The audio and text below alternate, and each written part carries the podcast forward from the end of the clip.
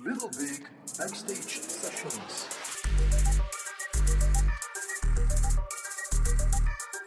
Welkom in uh, podcast nummer 3 van Little Big and Partners.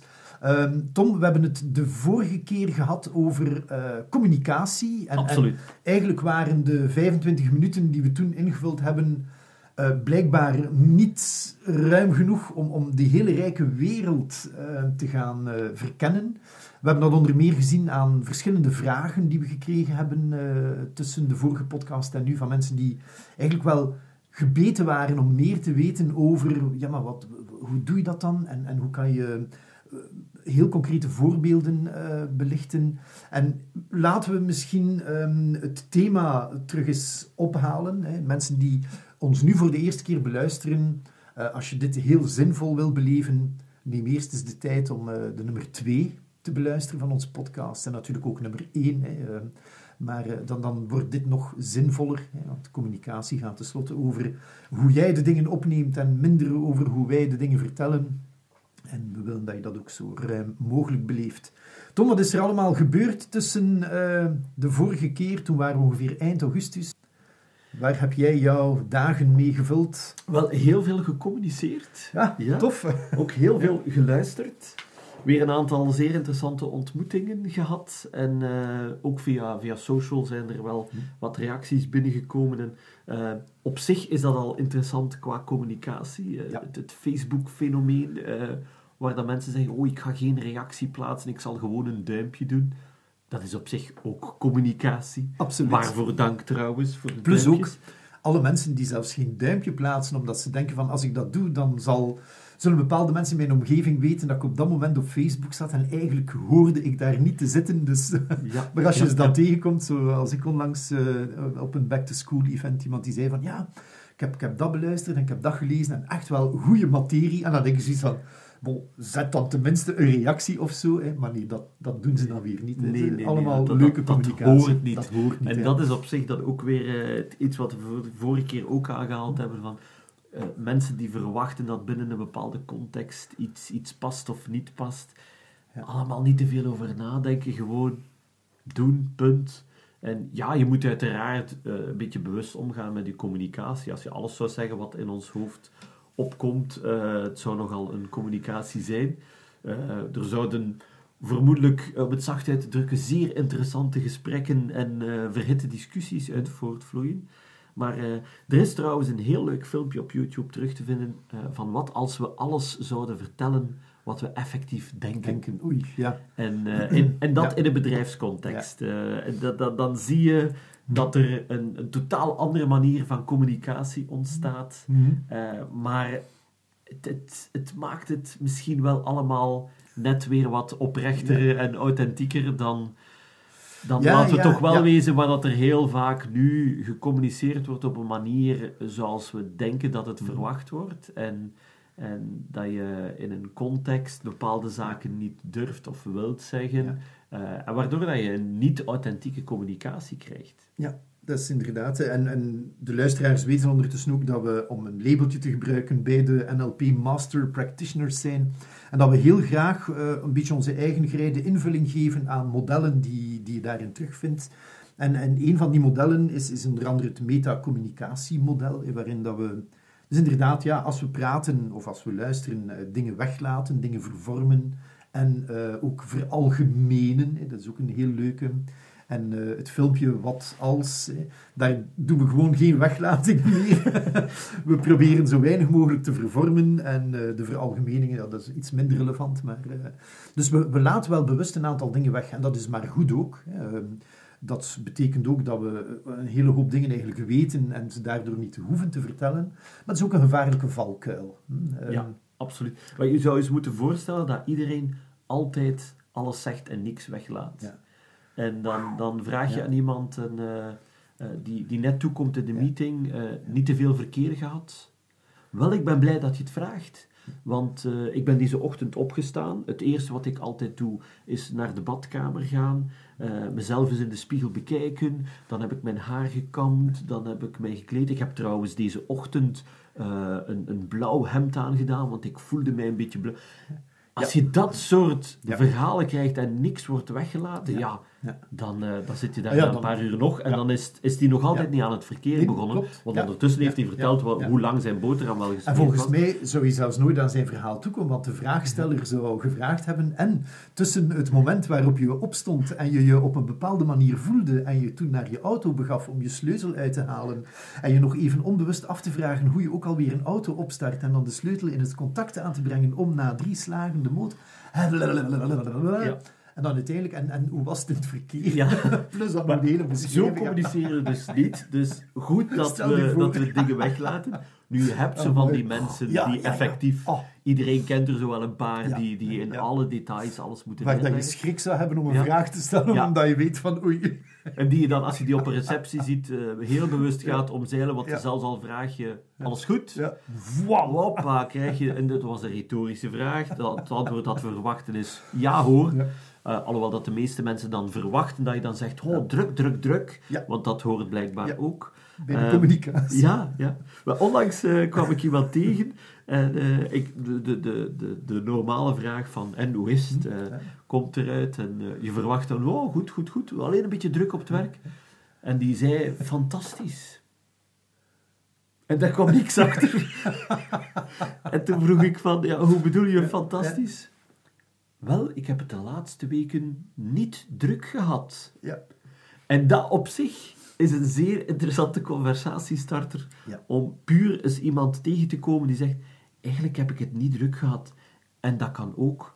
En toen begon hij daar verder over, eh, over uit te wijden. Die zei: Af en toe moet je eens bewust kunnen zijn dat het niet altijd druk hoeft te zijn. Ja.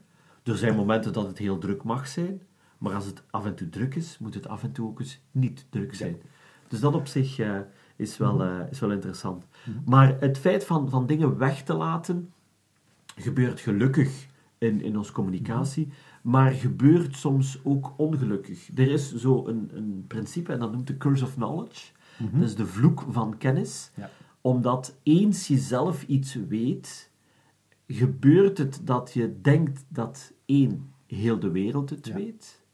En twee, dat je het dus eigenlijk niet meer moet gaan uitleggen, want je kan je niet meer voorstellen wat het is om het niet Ja. te weten. Dat is zoals dat je naar een goochelshow zou kijken of, of Mhm. een goede illusionist bezig ziet en dat die eerste truc toont en je bent totaal onder de indruk en dan legt hij uit hoe de truc werkt. Eén, de magie is weg. En als hij dan die truc opnieuw zou tonen, dan zeg je, ja, maar ja, nu heb ik hem door. En je kan dus niet meer in diezelfde verwondering terechtkomen van het niet te weten. Dat gebeurt bij onze communicatie ook. Dat we die curse of knowledge er laten insluipen en dat we zaken maar half uitleggen, halve zinnen uitspreken, omdat in ons hoofd het perfect normaal klinkt. Maar de toehoorder, die hoort effectief een halve zin. Mhm. Of die hoort, we hebben dat beslist. Ja, Ja. maar wat is dat? Voilà. En wie heeft dat beslist? En waarom en hoe. En, ja. En dan kom je inderdaad weer uit bij het metamodel, Ja. waar dat je dat soort uitspraken kan gaan Ja. challengen. Ja. We hebben er ook een, eh, een leuke oefening voor. Je moet eens luisteren, beste luisteraar. Ik ga een, een, eh, een, een lied neurien. En je moet eens proberen raden welk lied ik, eh, ik neurie. Dus we gaan starten. Na, na, na, na, na, na, na, na. Na, na, na, na, na, na, na. Na, na, na, na, na, na, na. Na, na, na, na, na, na. Na, na, na. Na, na, na, na, na, na, na. Dan, dan. En Tom, Ja, ik, Ja, ik weet weet het, het ik weet het, maar ik denk dat er weinig Ja, ja, luisteraars zijn die... we gaan, het, Ja. we gaan het nog niet vertellen wat het Nee, is. nee, we nee. geven jullie de tijd om eh, via antwoorden, het zij op onze Facebookpagina, het zij via de website, een gok te doen naar het nummer. Eén ding is duidelijk, voor mij was het heel duidelijk. Ik hoorde en de stem, en de violen, en de bas, en de drum, en de gitaren. Het was crystal clear. Dus als jullie een beetje slim zijn, dan weet je het ook. Ja, het is dus een nummer waar violen in zitten. Haha! Eh, dus dat heb je Ja. ook al prijsgegeven. Zie, je kan niet, niet communiceren. Ja. Dus, eh, eh, maar het is op zich een interessante oefening die we effectief doen met, met een groot publiek. Het is nog nooit geraden. Er zijn al veel Ja. gokken geweest. Eh, maar als je dan uitlegt van alles wat je in je communicatie doet, is het neurien van een bepaald liedje dat in je hoofd speelt. En dan ga je al die informatie die jij bijhoort, ga je automatisch weglaten. En dan het, het, door het metamodel te gaan gebruiken in, in communicatie, kan je dat liedje gaan challengen. Wat doet het metamodel eigenlijk zeggen van, wat hoor je allemaal aan instrumenten in je hoofd? Hoor je een bas, hoor je Ja. gitaar, hoor je drums? Ja. Eh, is het een mannelijke of een vrouwelijke zanger? Ja. Dus je gaat de, de communicatie gaan, gaan invullen door vragen te Ja. stellen. En dat is inderdaad iets wat we ook heel vaak te weinig zien gebeuren, zowel in, in teamcommunicatie als in, in eh, klanten-leveranciercommunicatie. Men, men praat en eh, omgekeerd ook. We gaan eh, bij de dingen die de ander weglaat, gaan we onze eigen invulling geven. En daardoor geven dan betekenis aan iets wat we gehoord hebben, zonder ons eigenlijk af te vragen, maar klopt dat wel helemaal? Ehm, als, als ik nu eh, aan, aan jouw luisteraar zou zeggen dat ik hier momenteel, terwijl we deze podcast opnemen, echt wel aan het genieten ben van een van mijn meest favoriete drankjes. Waaraan denk je dan? Hoe vul jij meest favoriete drankje in? En als je favoriete drankje hoort, ga je dan meteen denken aan hmm, mijn favoriete drankje, dat zou op dit uur eh, een glaasje cava zijn? Of denk je, godverdorie, waar zou Hans nu momenteel aan, aan liggen te, nippen? Ehm, dus één woord, verschillende invulling. En als we daarmee leven, dan krijgen we op den duur conversaties waarin ik met een, eh, glas whisky zit, waar ik graag ijs bij doe, terwijl jij, luisteraar, denkt aan eh, een, een tas koffie en mij hoort praten over ijsblokjes. En ijsblokjes in koffie, dat doe je toch niet? En voordat je het weet, zijn we op heel verschillende versnellingen aan het communiceren, terwijl we elk in de illusie leven, ja, maar we hebben het toch over dat favoriete drankje. Dus die invulling, weglating en het opvullen van wat weggelaten is, zonder daar kritische vragen rond te stellen, is een, een heuse uitdaging die, eh, die enige vaardigheid vraagt. Ja. De, de kunst van het vragen stellen is niet voor niks een kunst die, je- die je kan aanleren, een, Ja. skill. Maar hetgeen wat daar dan nog bij komt, is dat ons hersenen eh, ons constant voor de gek houden, omdat eh, in ons brein kunnen we niet het onderscheid maken tussen hetgeen wat effectief ge- waargenomen is, gezien, gehoord, eh, geproefd, noem maar op, en hetgeen wat ons hersenen zelf ingevuld hebben. En dan krijg je soms heel rare communicaties of, of heel rare vragen achteraf waar iemand iets niet gezegd heeft. De ander heeft dat ingevuld en koppelt dat terug als, als discussieargument Ja. van, maar je hebt net gezegd dat dit bijvoorbeeld een feit is. Eh, Nee, ik heb dat Ik niet dat niet gezegd. gezegd. Jawel, ik heb het u zelf horen zeggen. Ik zal toch wel weten wat ik gehoord heb. Je hebt het zelf gezegd. En dat is, dat een is illusie, hè? ja, je, je, klopt. je leeft constant in de, je, je eigen gecreëerde Ja, illusie. ja. En dat, is, eh, dat maakt het heel moeilijk om dan daar tegenin te gaan. Want je kunt wel tegen die man zeggen, ik heb dat niet gezegd. In zijn hoofd, in Heb zijn beleving, heb je dat wel gezegd. Live with it. Ja, en, en dat is ook iets waar dat we ons niet bewust van zijn. Dat is dat onze hersenen zijn, zijn maar de meest energieconsumerende delen van ons lichaam. Eh, waardoor dat ze eigenlijk ook bewust zo lui mogelijk gehouden worden. Want mochten ze continu moeten werken, dan, dan hebben we niks over om ons hart en onze ademhaling aan de praat te houden. Eh, en dus ze kiezen zoals water de meest makkelijke weg. Zoals ik, om terug naar het voorbeeld van drankje te gaan. Ik hoor drankje, mijn hersenen coderen drankje. Er zijn een aantal eh, neuronenverbindingen en zoef, die zeggen, ah, drankje, dat is, voor jou is dat whisky, voor jou is dat wijn, voor jou... En dat wordt ingevuld en we staan er eigenlijk niet bij stil, omdat het de easy way is. En daardoor wordt het voor ons ook waar. Daarvoor dat is, is jouw drankje dat en niks anders. Ja. En als jij dan zegt wijn, dan ga ik zeggen, maar, allee, dat is toch whisky? Nee, nee, nee, nee, nee, het was wijn. Maar ik heb je horen zeggen dat whisky was. Our brain continuously tricks us. Ja. Ah, maar dat is voor de Engelse podcast. Dus Ja, ons brein speelt continu geintjes met ons. Houdt ons voor de gek. Nu, gelukkig dat het- dat proces ook bestaat, eh, want die, die, die vaste kanalen in, in de hersenen hebben ook wel hele dagen nodig. Je zou eens moeten voorstellen dat je elke morgen opstaat en dat je heel bewust moet bezig zijn. Goed, ik moet dus inademen en En uitademen. uitademen. En inademen doe je zo en uitademen doe je zo. Ja. En die vaste patronen kennen we allemaal. Eh, iemand die, die van, eh, van zijn werk naar huis rijdt, plots op de oprit of voor de deur bij hem thuis staat en geen flauw idee heeft hoe hij daar geraakt is. Je wordt je daar plots pijnlijk duidelijk van als je verhuist. Ja. Eh, of als je van, van kantoor verandert en dat je s'morgens jezelf betrapt dat je aan het verkeerde kantoor Ja. staat. Mhm. Of Dat je in zodanig een routine zit dat je totaal onbewust met een aantal zaken bezig bent. Maar gelukkig dat we die zaken hebben, want anders zouden ons hersenen compleet in overdrive gaan. ja, ja. Maar je moet je daarvan bewust zijn dat in communicatie die processen ook spelen en dat mensen in dat vaste pad willen gaan. En als jij dan, eh, wat ze dan noemen, een ambetante vraag stelt, dat hun dat even uit die neuronenbaan trekt. En dat is opnieuw dat metamodel, is de, de, de, de persoon vastpakken, uit zijn vast karspoor trekken, even ernaast zetten en te zeggen, maar wat bedoel je nu precies? Klopt. En als, als communicator of in, in een gesprek, denk ik, is het ehm, in mijn ervaringen sinds dat ik het geleerd heb, nuttig om bewust te zijn over wat dat je door de ander zelf wil laten invullen en wat dat je zelf wil gaan invullen. Om er zeker van te zijn dat de ander het zo nauw als mogelijk of zo dicht mogelijk bij jouw betekenisgeving eh, houdt. En je kan dat ook actief gaan inzetten. Hè. Je, kan, kan communicatie doen, bijvoorbeeld een emotioneel gestuurde communicatie.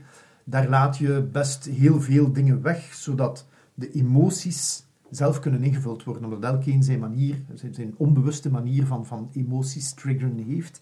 Terwijl bij een rationele communicatie kan het goed zijn om niet te veel weg te laten, om heel zeker te zijn dat, dat iedereen de boodschap ook, laten we zeggen, rationeel goed opvangt. Maar het is natuurlijk niet het ene of het andere. Je gaat beiden combineren en over bepaalde thema's heel doelgericht communiceren en over andere bewust een aantal dingen weglaten, zodat de invulling zelf kan gegeven worden.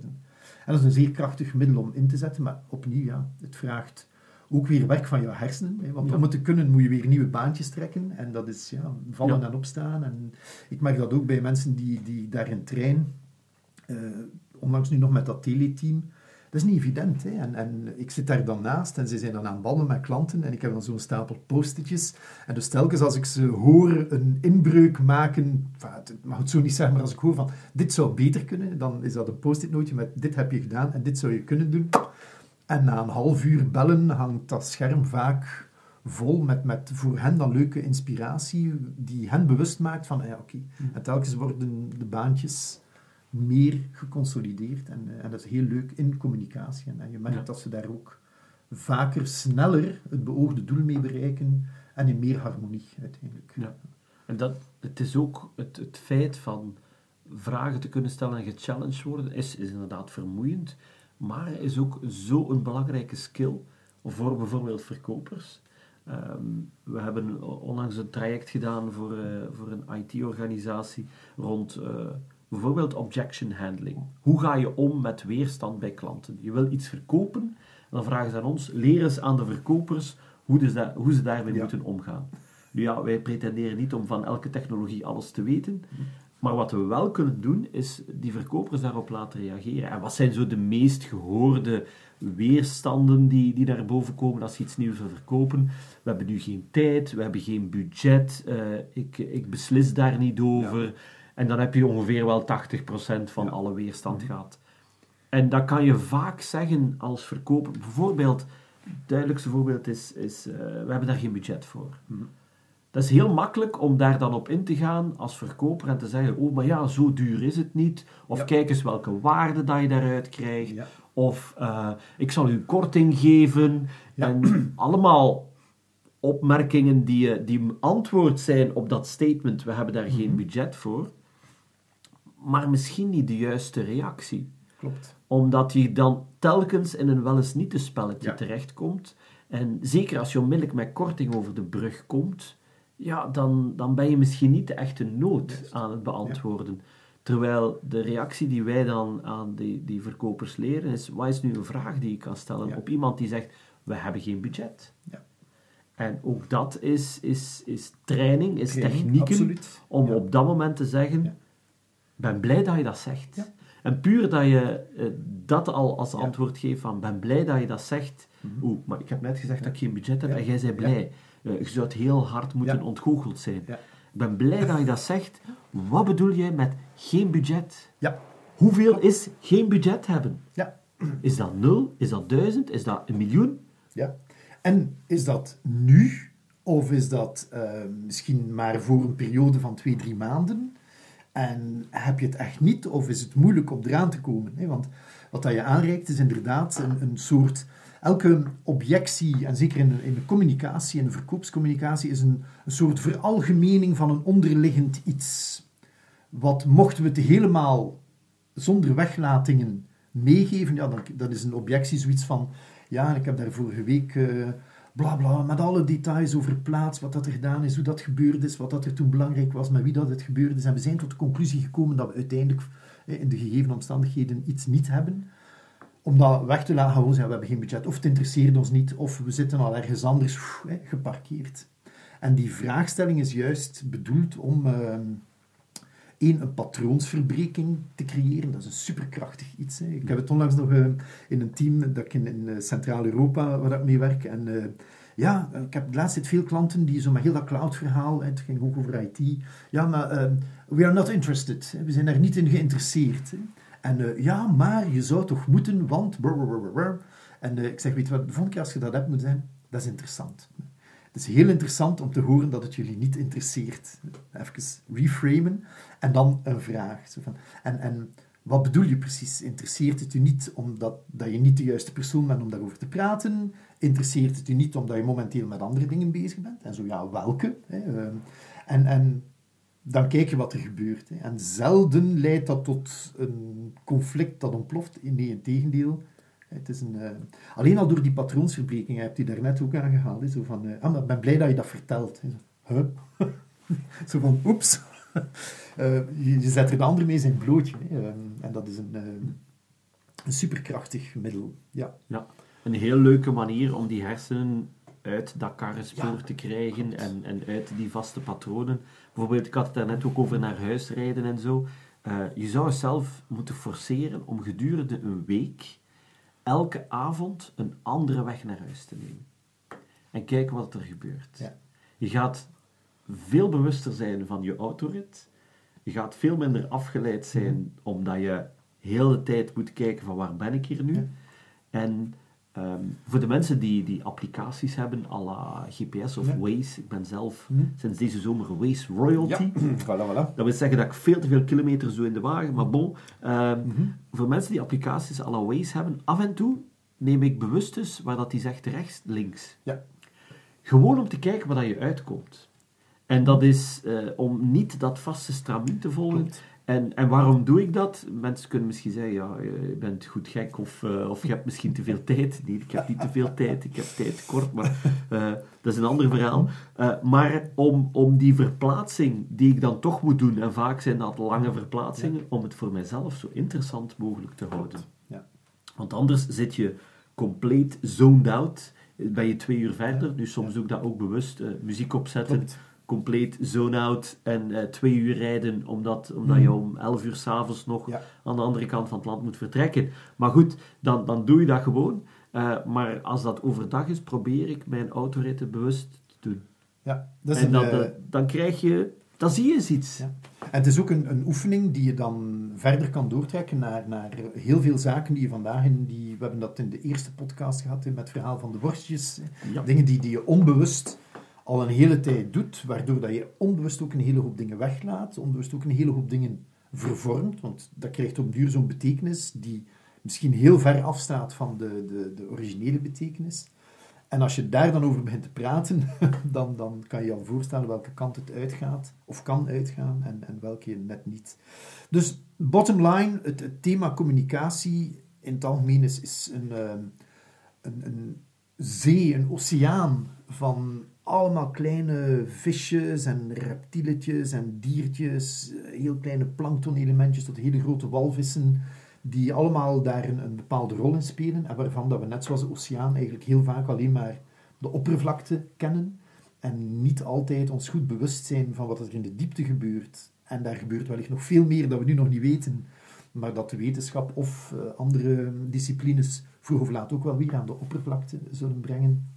En dat maakt het zo'n interessant gegeven om, als je enigszins eh, in het leven wil werken aan je eigen next best version, eh, dan is, is communicatie en communicatievaardigheden toch wel een van de belangrijkere organische diertjes in die oceaan, waar je aandacht kan aanbesteden en eventueel wel zou kunnen aanbesteden. Ja, absoluut. En altijd in je achterhoofd houden, hetgeen wat we ook in de vorige podcast gezegd hebben, de definitie van communicatie is niet alleen praten.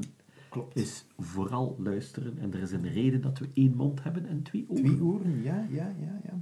En ehm, trouwens, naar aanleiding van eh, ook weer een van de sessies die we gedaan hebben, was ik een en ander aan het voorbereiden en blijkt uit onderzoek dat in gesprekken, als je aan mensen vraagt van, was dit nu een goed gesprek voor jou? Heb je dat beleefd als zijn een, een goede communicatie?